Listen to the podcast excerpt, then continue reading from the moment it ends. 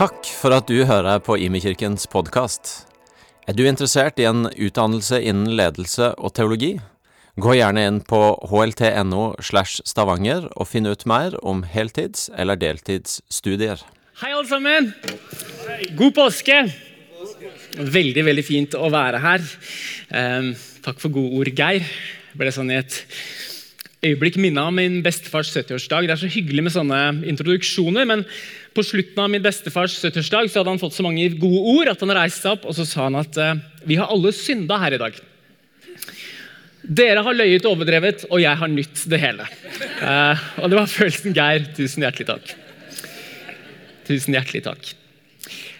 Uh, jeg heter Lars Kristian. En av de tingene med meg er at jeg er storebror. Så jeg har altså en yngre bror. og En av de dynamikkene som slår til når man har en yngre bror, er at denne yngre broren prøver å ligne på sin storebror. Og Det er veldig koselig og litt slitsomt. Men det er da altså sånn at hvis storebror liker noe, så blir det ofte sånn at lillebror liker noe. Jeg for eksempel, likte HamKam, og nå sitter han og heier på HamKam.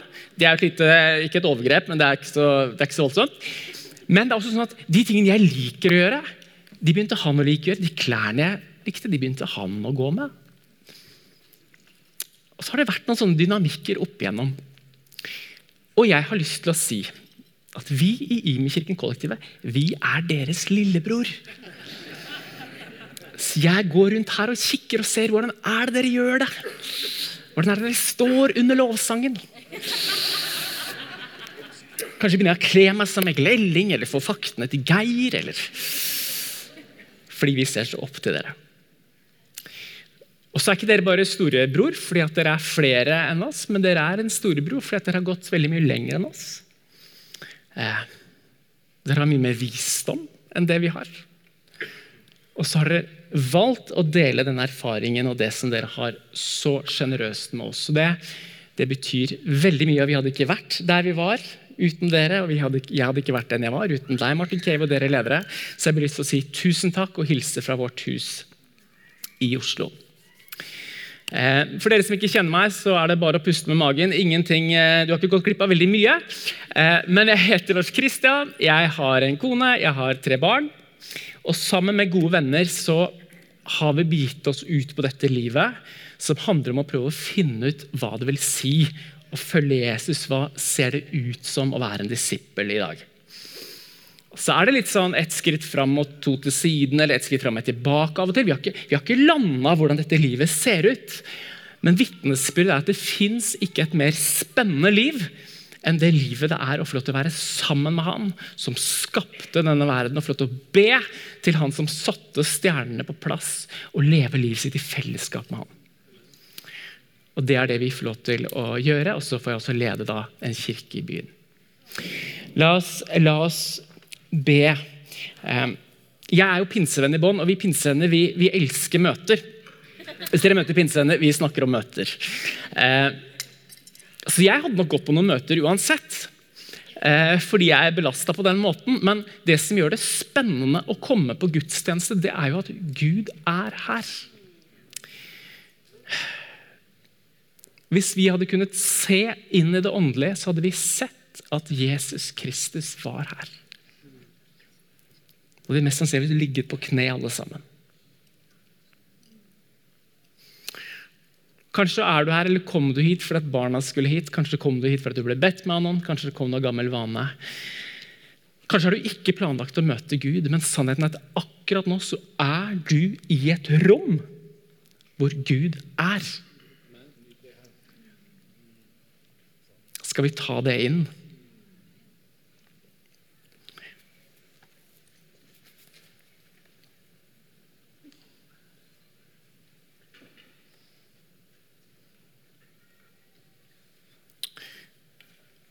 Gode Gud, takk at du er her. Jeg ønsker ikke å ta ditt nærvær for gitt. Jeg har bare lyst til å si til at vi, vi trenger å bli møtt av deg. Én berøring fra deg, et ord fra deg, et blikk fra deg kan forandre livene våre. Vi har bare lyst til å si, Hellige Ånd, kom og gjør det du vil. Nå tar vi denne stunden ut av våre hender, over i dine armer og sier, gjør det du ønsker, Hellige Ånd. Tal til oss og trøst oss. Rettled oss. Gi oss håp.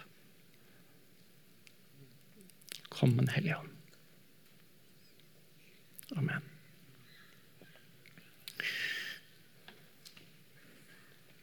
Er ikke det stort at Gud er her? Han lovet å komme det hver gang. Halleluja. Vi har vært gjennom påske. Vi har vært gjennom skjærtorsdag med Jesu gråt og kamp i Getsemane. Vi har vært gjennom langfredag, smerte, mørke, knuste håp, knuste bønner. Så har vi vært gjennom en lang lørdag også. Eh, for disiplene så begynte nederlaget å gå inn på dem. De begynte å bryte opp hvert i sitt. Men så kom søndagen i går, hvor himmelens krefter kommer ned til denne jorden og triller vekk denne steinen og triller vekk alle andre hindringer som hindrer oss i å se Gud og kunne ha fellesskap med Gud. Og Det har vi feira, og det skal vi fortsette å feire, at Jesus sto opp igjen fra de døde. Eh, men i dag så har jeg lyst til å ta oss litt mer tilbake til Golgata. Det er så nydelig det korset midt i salen her. Ta oss tilbake til det stedet hvor vi ble forsona med Gud.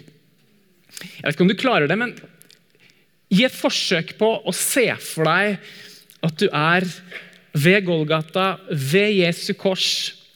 Det er masse drama i lufta, det er intense bønner, det er hvisking, det er hulking.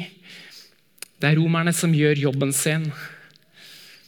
Så nagler Jesus på et kors. Du ser de som bare står der stille. Du ser de som fariseerne kanskje som får et sånn lettelsens drag over seg idet korset blir løfta opp.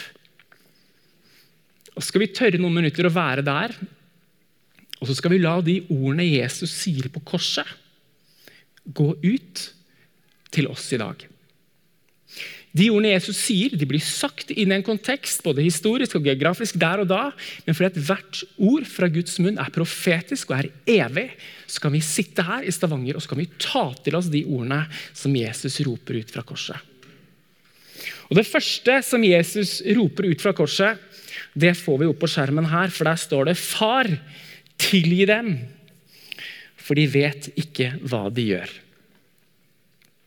Mens han blir nagla fast, mens kroppen brytes, så ser han utover de som var med å anklage hans, de som helt fysisk har hengt han på et kors, de som bare har vært stille og latt det skje. Og Så ser han forbi gjerningene, så ser han hjertene deres, og så roper han til sin far, Gud.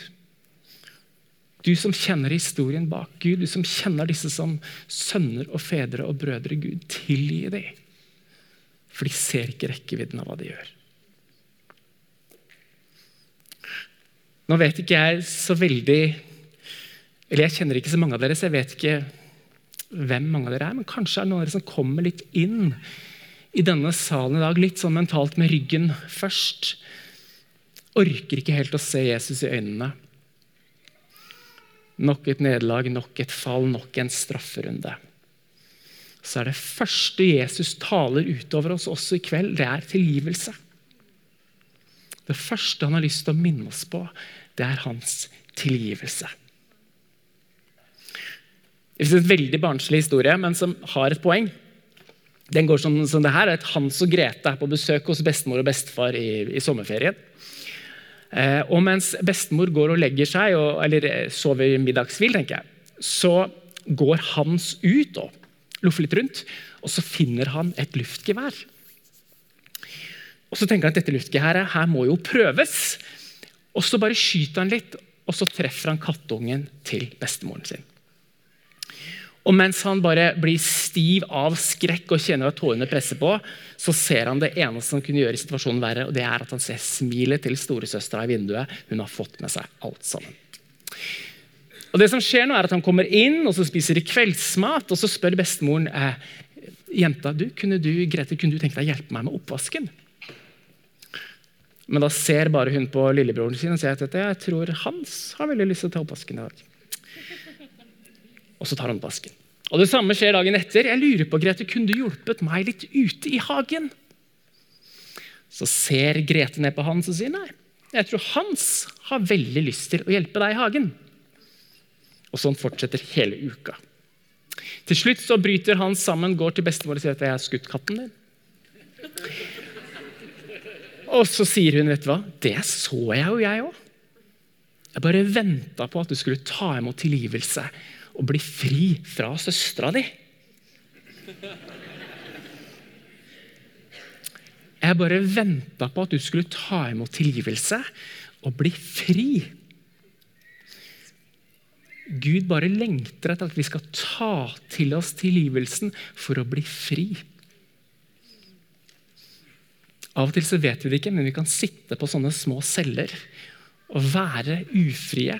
Kanskje vi har blitt så vant til den ser at vi ikke merker at vi er ufrie lenger.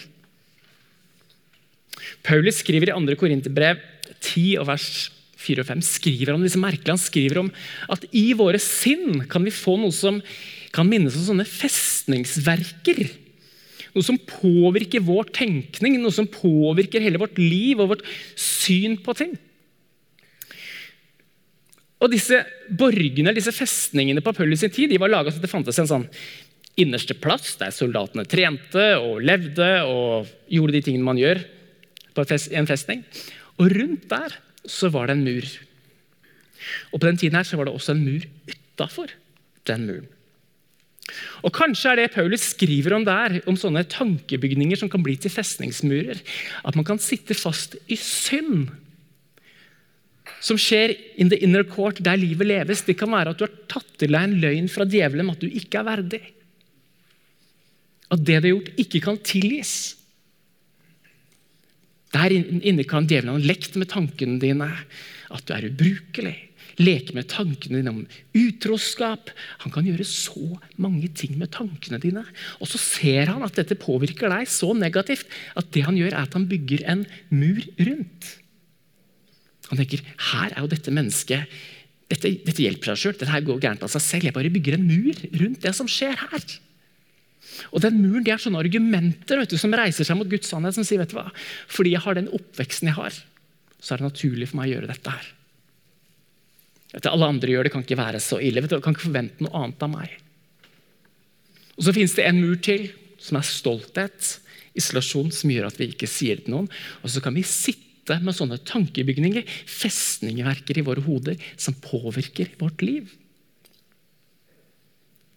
Men hvis vi tar imot tilgivelse, så kan sånne festningsverk ryke. Vi bare kjenne det igjen. Og Kanskje har det sittet fast et mønster i mange mange år. Så ber Gud deg bare ta imot tilgivelse. Vi fikk lov til å døpe en gutt for eh, uker, nei, en måneds tid siden.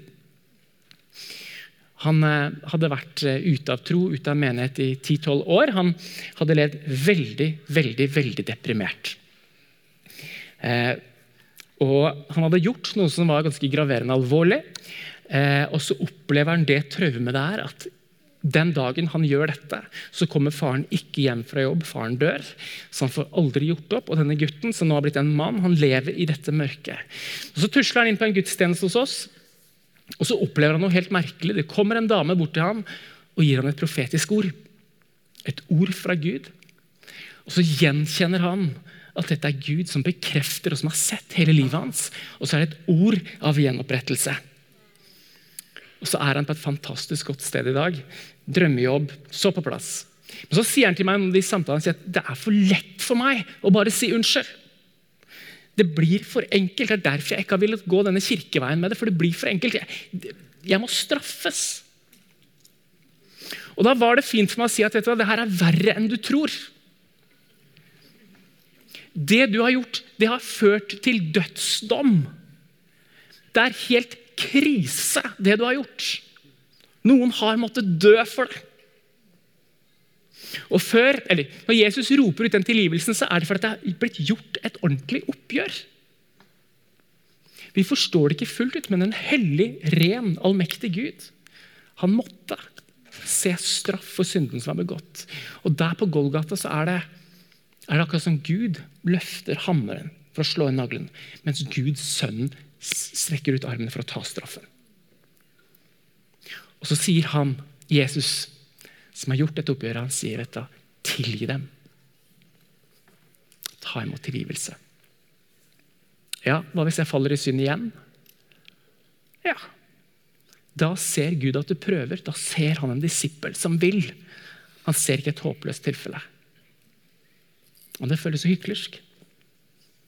Det som er hyklersk, det er å si noe og ikke prøve.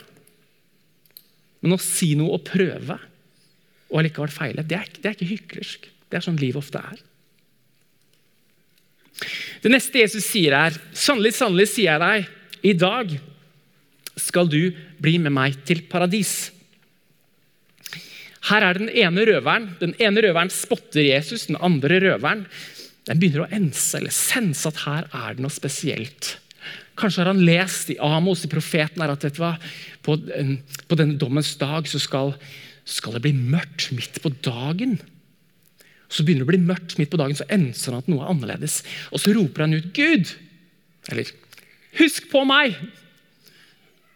Og så får han et svar som er så mye bedre og som er så mye større enn det han kunne ønska seg. Jesus sier i dag skal du bli med meg til paradis. Og Når vi snakker om paradis og det evige livet, sånn, så kan det virke som noe, noe som ligger foran den dagen vi dør. Men vet du hva Bibelen forteller oss? Johannes 17, 3, At det evige livet, det er å få kjenne Jesus Kristus. Det evige livet det begynner i dag, hvis det ikke har begynt tidligere. Det evige livet er en enkel bønn unna der å si 'Jesus, jeg vil leve livet mitt sammen med deg'. Når jeg gikk på bibelskole for eh, mange mange, mange, mange år siden, det var i Sør-Afrika, så var det en, en, gutt der som hadde blitt ganske nylig frelst. eller tatt mot Jesus ganske nylig, og Han var superivrig. Og Han gikk på det som fantes av bønnemøter.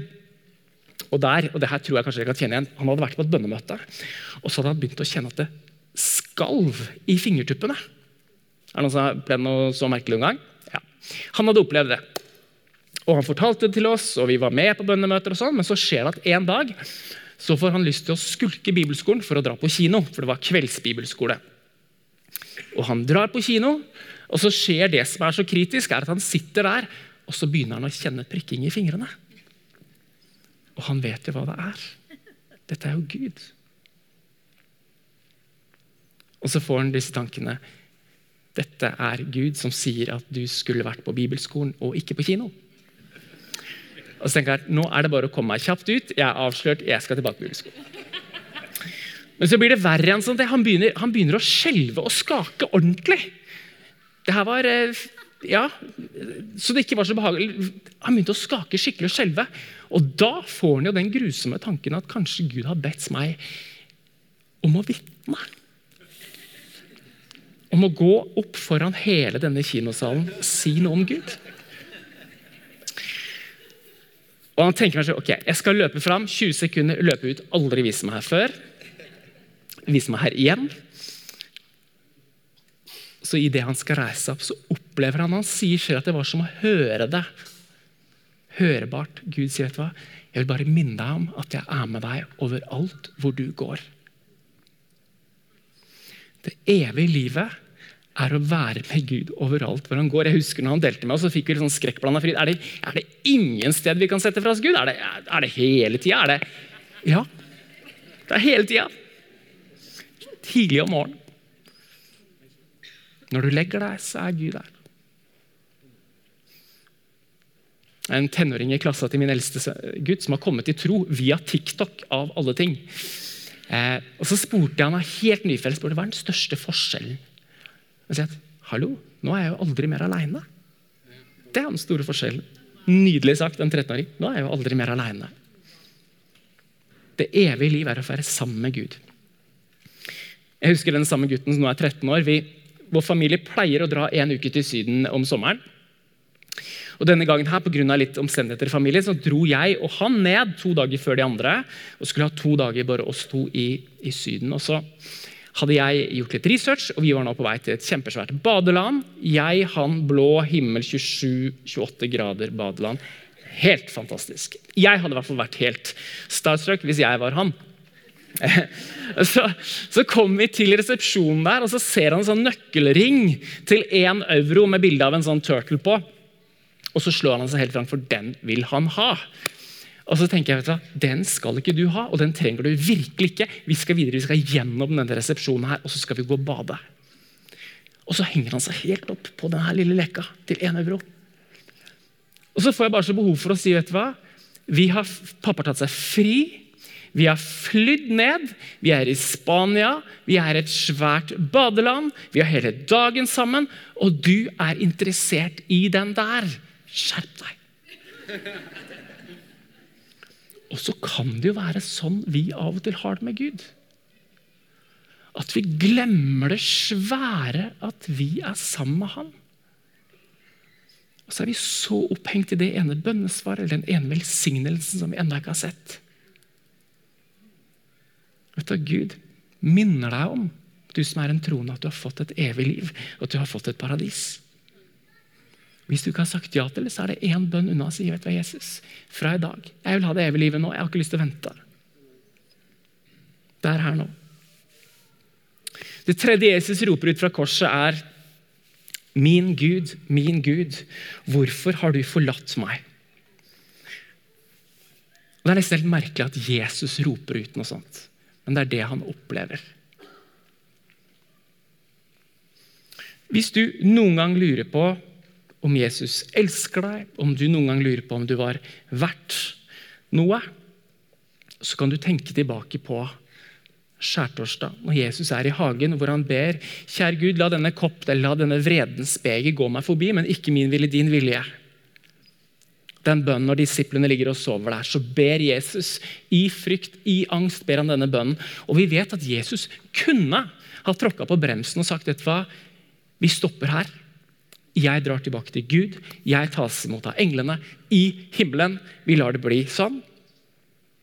Men der, når han står for valget enten hjem til Gud, hjem til himmelen, hjem til perfekt fred, eller inn i mørket, inn i Guds forlatthet, inn i en tilstand der jeg skal bære straffen for alle overgrep, for alle mord, for alle løgner, for alle svik.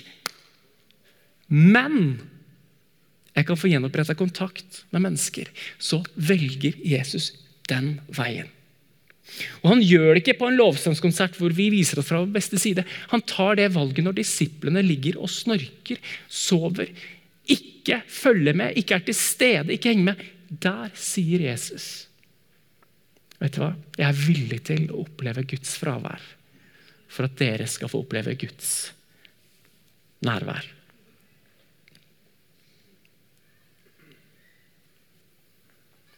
For under to uker siden så var jeg i Auschwitz i Polen.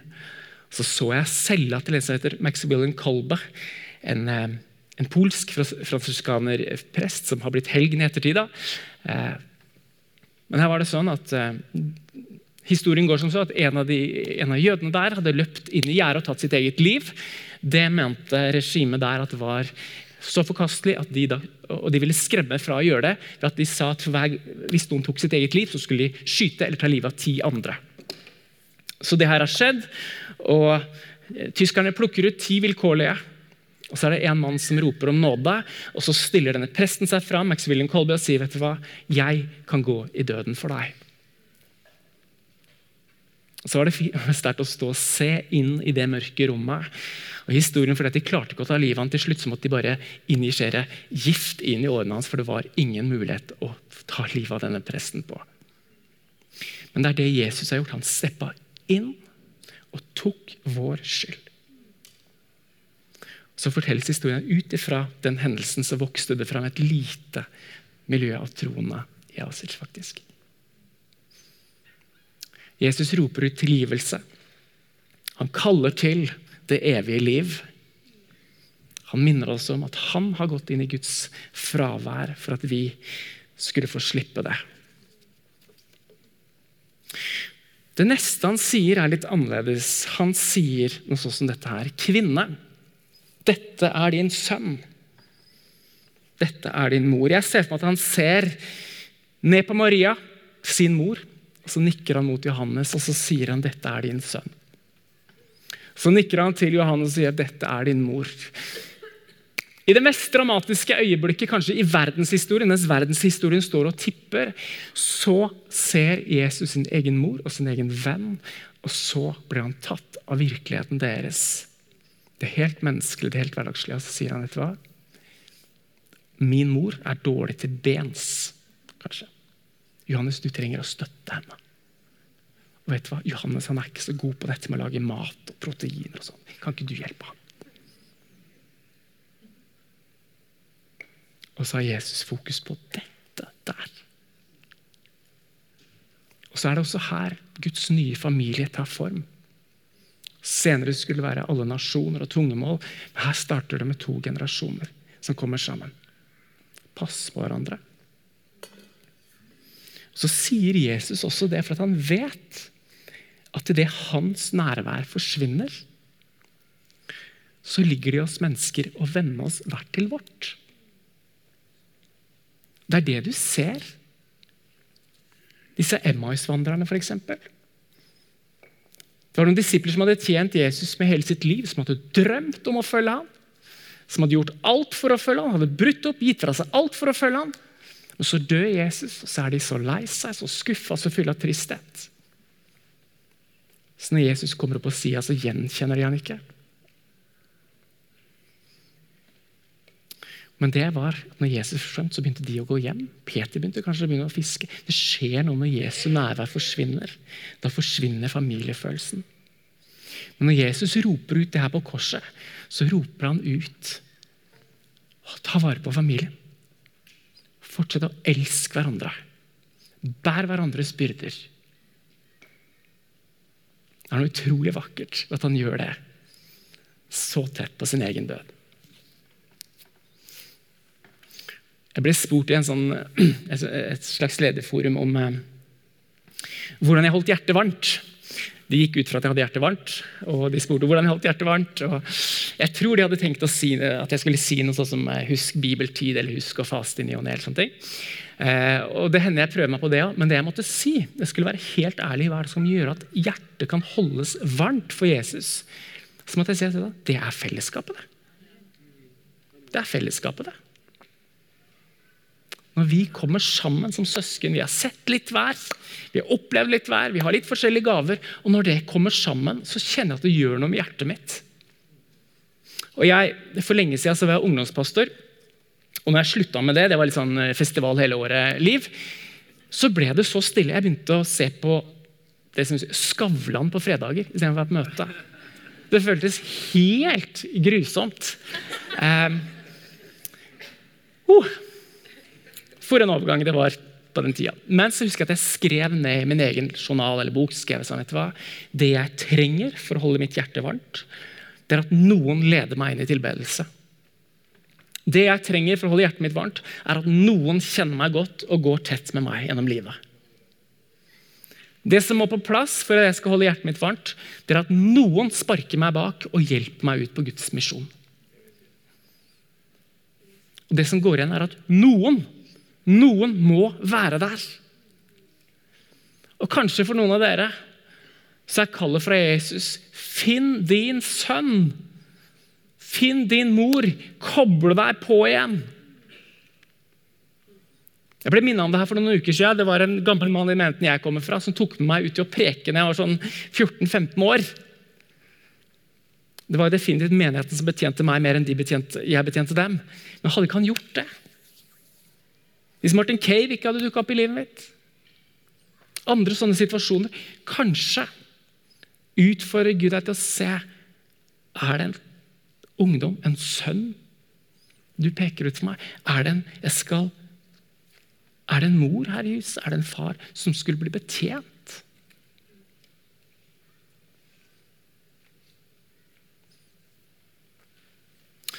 Så roper Jesus ut, 'Jeg tørster'.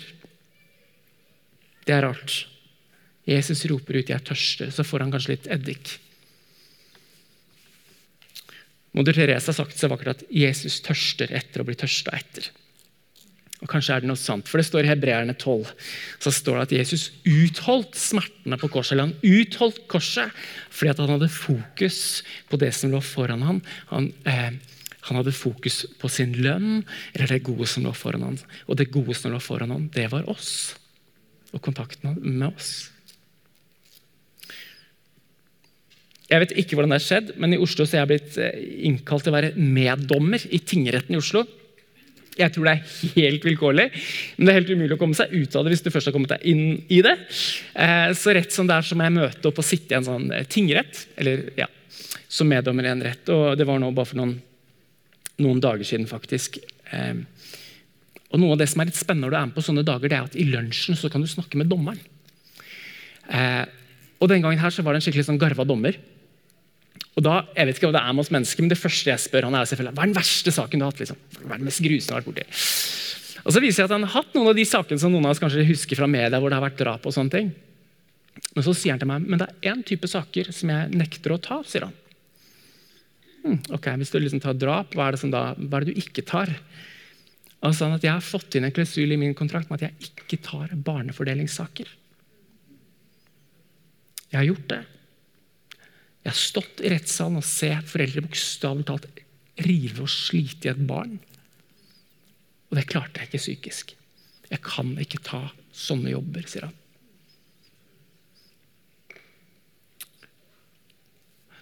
Og så er det det som skjer i Edens hage. At Gud mister foreldreretten vår. Når vi velger å gjøre djevelen til vår far Det er voldsom språkbruk, men det er bibelsk språkbruk. Idet vi velger å tro løgner om vår himmelske far, velger å følge djevelen, så er denne familien splitta. Og Det Jesus tørster etter når han henger på korset, det er denne familiegjenforeningen. Og Det er det som er historien fra den første til den siste boka i denne boka vi kaller Bibelen. Jesus går ut i hagen og roper, 'Menneske, hvor er du?'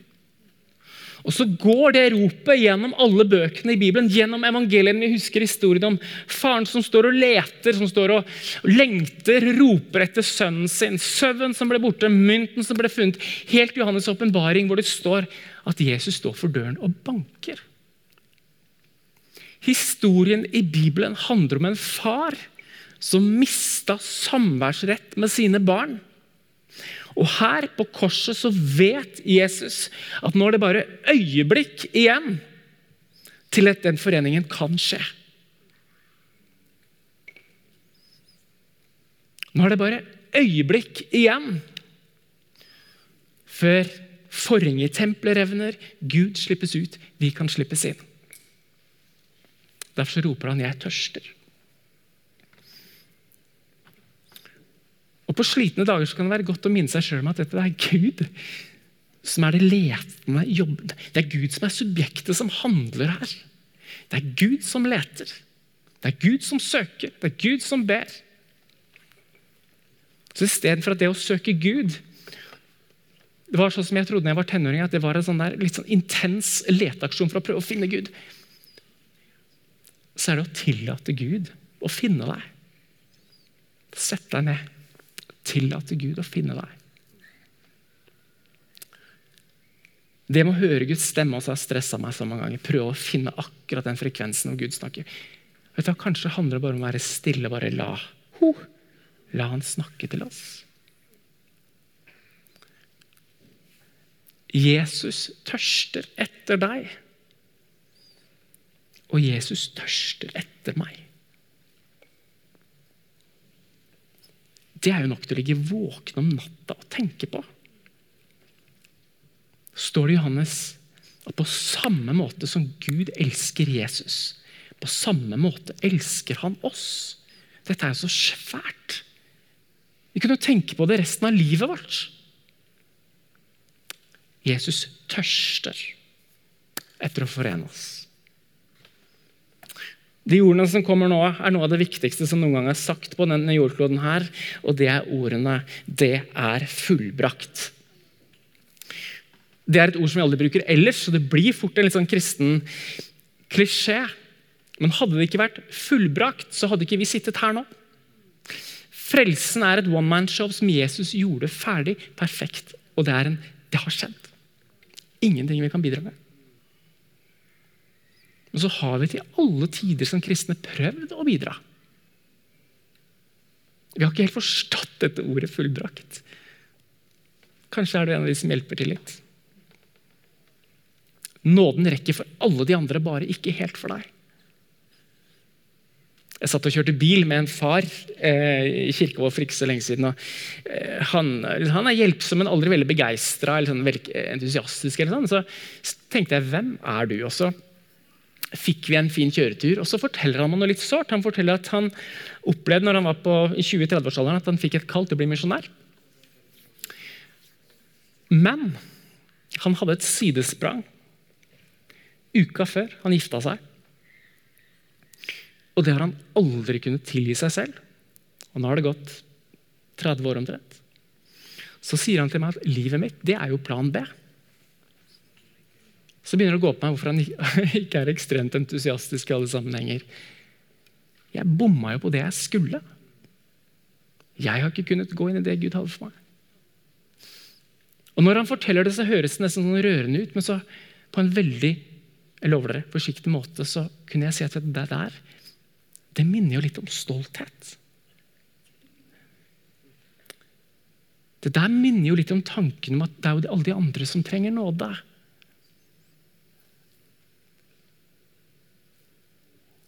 Men det er fullbrakt. Det er helt ferdig. Hvis vi bekjenner vår synd, så renser han oss fra all urett. Vi trenger ikke å vente på noe. Det er gjort ferdig. Jeg husker jeg hadde en sånn drøm for mitt kristne liv, at jeg måtte se gjennombrudd i livet mitt. Spesielt når jeg var sånn tenåring og syntes alt var vanskelig. En sånn blanding av eh, kamp mot eh, hormoner og demoner. Jeg vet ikke helt hva som var. Men da Syns fortsatt det kan være vanskelig å skille av og til. Men, men da husker jeg at jeg lagde en liste med meg sjøl. Hvis jeg skal leve helhjerta for Gud, så må ett av disse tre tingene her skje. Jeg må enten se en velbredelse som er så ubestridelig, det skal være så fysisk rett foran ansiktet på meg at jeg ikke kan bestride det. Da kommer jeg til å leve helhjertet for deg resten av livet, Gud. Eller plan B, det er hvis jeg får lov til å lede noen til frelse. For det hadde jeg ikke gjort. Hvis jeg får lov til å lede ett menneske til frelse, da kommer jeg til å lede, leve helhjertet for deg. Og det siste var hvis jeg kan begynne å jobbe i kirken, da skal jeg jobbe helhjertet for deg. Um, og så skjedde én så ble jeg ikke helt helhjerta. Skjedde to, og så skjedde tre. Og ingen av de tingene har gjort meg helhjerta. Men det som har gjort meg i hvert fall på gode dager helhjerta, er når jeg forsto hva som ligger i dette. Det er fullbrakt. Det er helt ferdig. Du er elska. Du er rensa fra all urett. Jeg tror dere som er lutheranere i bånn, har det her dypere enn enn oss som kommer fra andre tradisjoner, som har jobba litt for denne frelsen hele veien. Jeg har lyst til å minne deg også om at det er fullbrakt. Hvis du går noen strafferunder, hvis du prøver å ta deg sammen, hvis du har meldt deg på noe sånn lese Bibelen på to uker-kurs for å komme i, i balanse igjen. Det er fullbrakt. Det er gjort. Helt til slutt så sier Jesus i dine hender overgir jeg min ånd. Og Noen har sagt at på den måten som Jesus dør på, så viser han oss vår måte å leve på. Det er et liv overgitt til Gud. Det var liksom tapasene. Jeg opplevde jeg skulle si ting, minne om disse tingene. Gå litt i, i forskjellige retninger. Men påske det er veldig mye, men påske er også invitasjon til en ny start. Påske er også en invitasjon til å la det som har Til å se det reise seg liv av det som så ut som skulle bli død. Så har vi det løftet i Bibelen at den kraften som reiste Jesus opp fra de døde, den kraften bor i oss. Og jeg tror, ikke bare fordi jeg har bedt for dette møtet og skulle preke men jeg tror at Gud ønsker å vekke til live mennesker den tida vi lever i nå. Der vi trodde det skulle bli død, der vi trodde det skulle bli nederlag, der vi trodde det skulle bli skuffelse. Ja, vi forventa skuffelse. Vi forventa at det skulle slokne hen. Der kaller Jesus, og der blåser Gud nytt liv. Og så skal vi se at vi reiser oss i Guds kraft. Vi trenger det den tiden vi lever i nå. At Gud kommer og blåser på oss og reiser oss opp. Og jeg tror at det kan skje ved at noen av dere trenger å ta imot tilgivelse. Noen av dere trenger å si ja til det evige livet. Noen av dere trenger å koble dere på familien igjen. Noen trenger å bare ta inn over seg at de er elska av Gud, at Jesus Kristus tørster etter dem. Tør å tro det. Andre igjen trenger å bare sette begge beina på det løftet om at det er fullbrakt. At vi er gode nok for himmelen. Gode nok for ham. Jesus Kristus, takk at ditt ord er sant. Jeg ber Helligånd om at du ved din ånd legger ditt, din ånd på dine ord. At dine ord kan skape noe i hjertene våre i dag og denne tida vi er inne nå, Jesus. La det bli påske i våre liv, la det bli oppstandelse i våre liv. La oss bli overraska over hva som kommer til liv de dagene her, Jesus. Vi ber for oss som sitter her, men jeg ber også for alle som vi er i kontakt med. Kom med oppstandelseskraft. Og kom med liv der det ser mørkt ut. Vi ber om det, og vi vet at du kan det. I Jesu navn. Amen.